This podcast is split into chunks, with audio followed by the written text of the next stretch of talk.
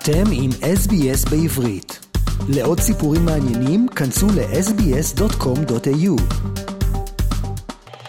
Shalom Australia.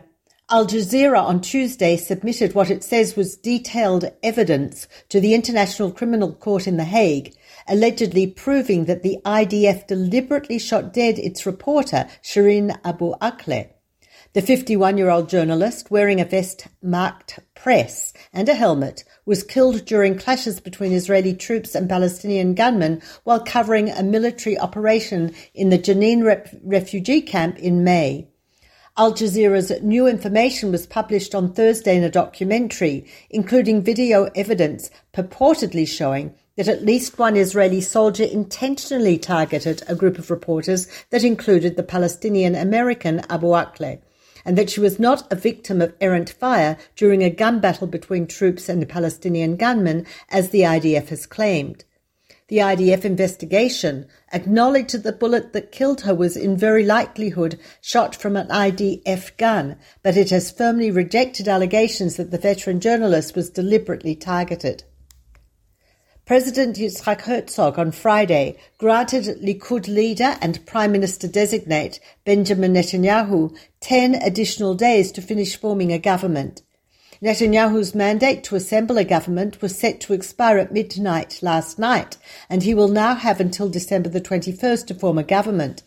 Herzog did not specify why he chose not to grant Netanyahu the maximum 14 day extension. In a letter to the Prime Minister designate, he wrote, these are complex times for Israeli society as differences over core issues threaten to stoke violence and blind hatred. Herzog told Netanyahu to form a government that must work for the entire public in Israel. Herzog added that the coalition being formed must maintain a respectful and responsible dialogue between the authorities, executive, legislature, and judiciary. It must also guarantee the state of Israel's character in the spirit of the Declaration of Independence and must preserve the powerful bond within, with the Jewish diaspora. A bill submitted by Otzma Yehudit party head Itamar Ben Gvir will radically redefine the relationship between police and politicians, giving the police minister far more authority than ever before. Ben Gvir is set to become National Security Minister in the new government, a newly created role replacing that of Public Security Minister, which will give him oversight of police. The new ministry will also control the border police force in the West Bank, which currently answers to the military. The bill he submitted dictates that it is the minister who will set policy, relegating the police commissioner to the role of administrator charged with carrying out the policy. Currently, the Commissioner sets the policy in consultation with the Minister.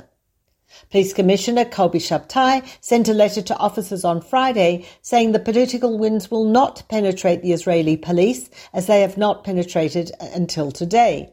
We will stand guard in order to ensure that the Israeli police continues to be strong and that its independence will not be compromised. This is our duty as police officers. This is my personal duty as Commissioner of the Israeli Police, and I intend to fulfill it.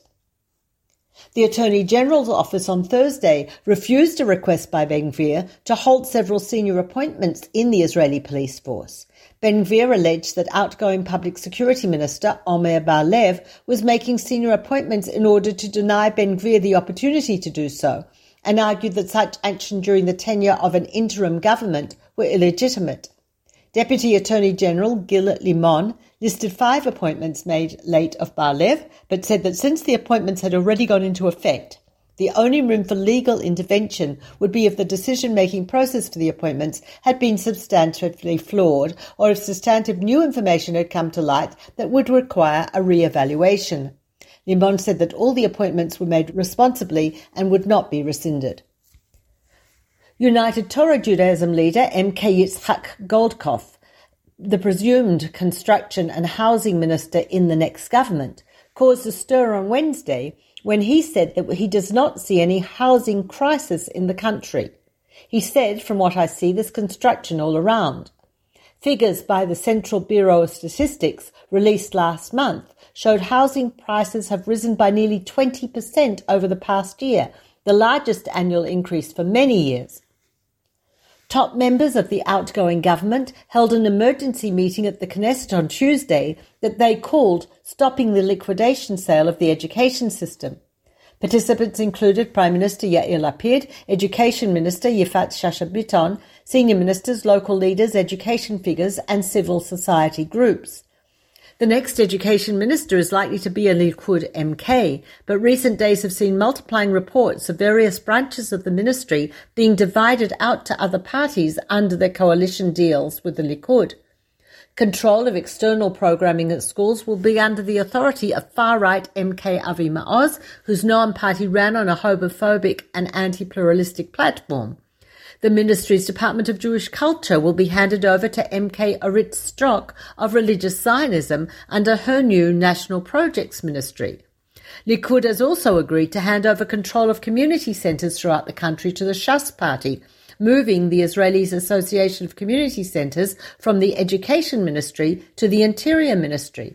The 700 community centres in more than 150 municipalities provide educational programs, youth activities and sports training. The Health Ministry reported on Thursday that cases of respiratory syncytial virus, an upper respiratory virus, are growing fast. In the last week, the number of patients hospitalized with RSV jumped 31%. It's not known why RSV is spiking now, but there's a strong belief among medical experts that masking and social distancing meant people were exposed to fewer viruses than normal in the past couple of years and therefore now have reduced immunity. Dr. Cyril Cohen, head of immunology at Bar Ilan University, was challenged by the host of a French television news show as to why he was wearing a kippah when he was invited to discuss vaccine effectiveness against the COVID-19 virus. Cohen, clearly shocked by the question, responded, For transparency, I wear it every day. I did not put it on especially for this show. The professor said that he recognized that in France religious head coverings are banned in government buildings, but he said he found no reason to remove his kippah on a television show. Supermarket chain Shufersal said on Tuesday that it would acquiesce to di- di- dairy giant Tnuva's price hikes on certain products, ending its boycott of the brand over the rising costs after only a few weeks.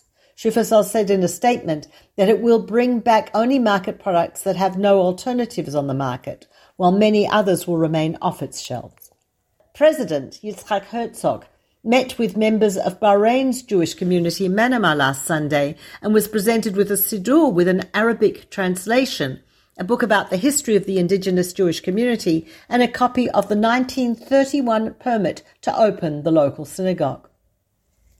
The singer, composer, and one of Israel's greatest guitarists, Yitzhak Klepter, passed away on Thursday at the age of 72. Klepter was born in Haifa and grew up in Tel Aviv. When he was a primary school student, he gave a lecture in one of his classes about the life of Winston Churchill, and the nickname Churchill stuck with him. At the age of 15, he founded his first band, the Churchills. He enlisted in the army in the army's armoured corps, but at the order of his commanders he switched to playing in an armoured corps band.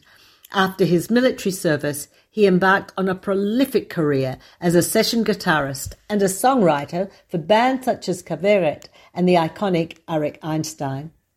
President Herzog described him as the king of guitar, a gifted composer and lyricist, and said his voice and melodies will be with us forever. This is Peta Jones Pellach reporting for SBS Radio from Jerusalem. רוצים לשמוע עוד סיפורים? האזינו דרך האפל פודקאסט, גוגל פודקאסט, ספוטיפיי, או בכל מקום אחר בו ניתן להאזין לפודקאסטים.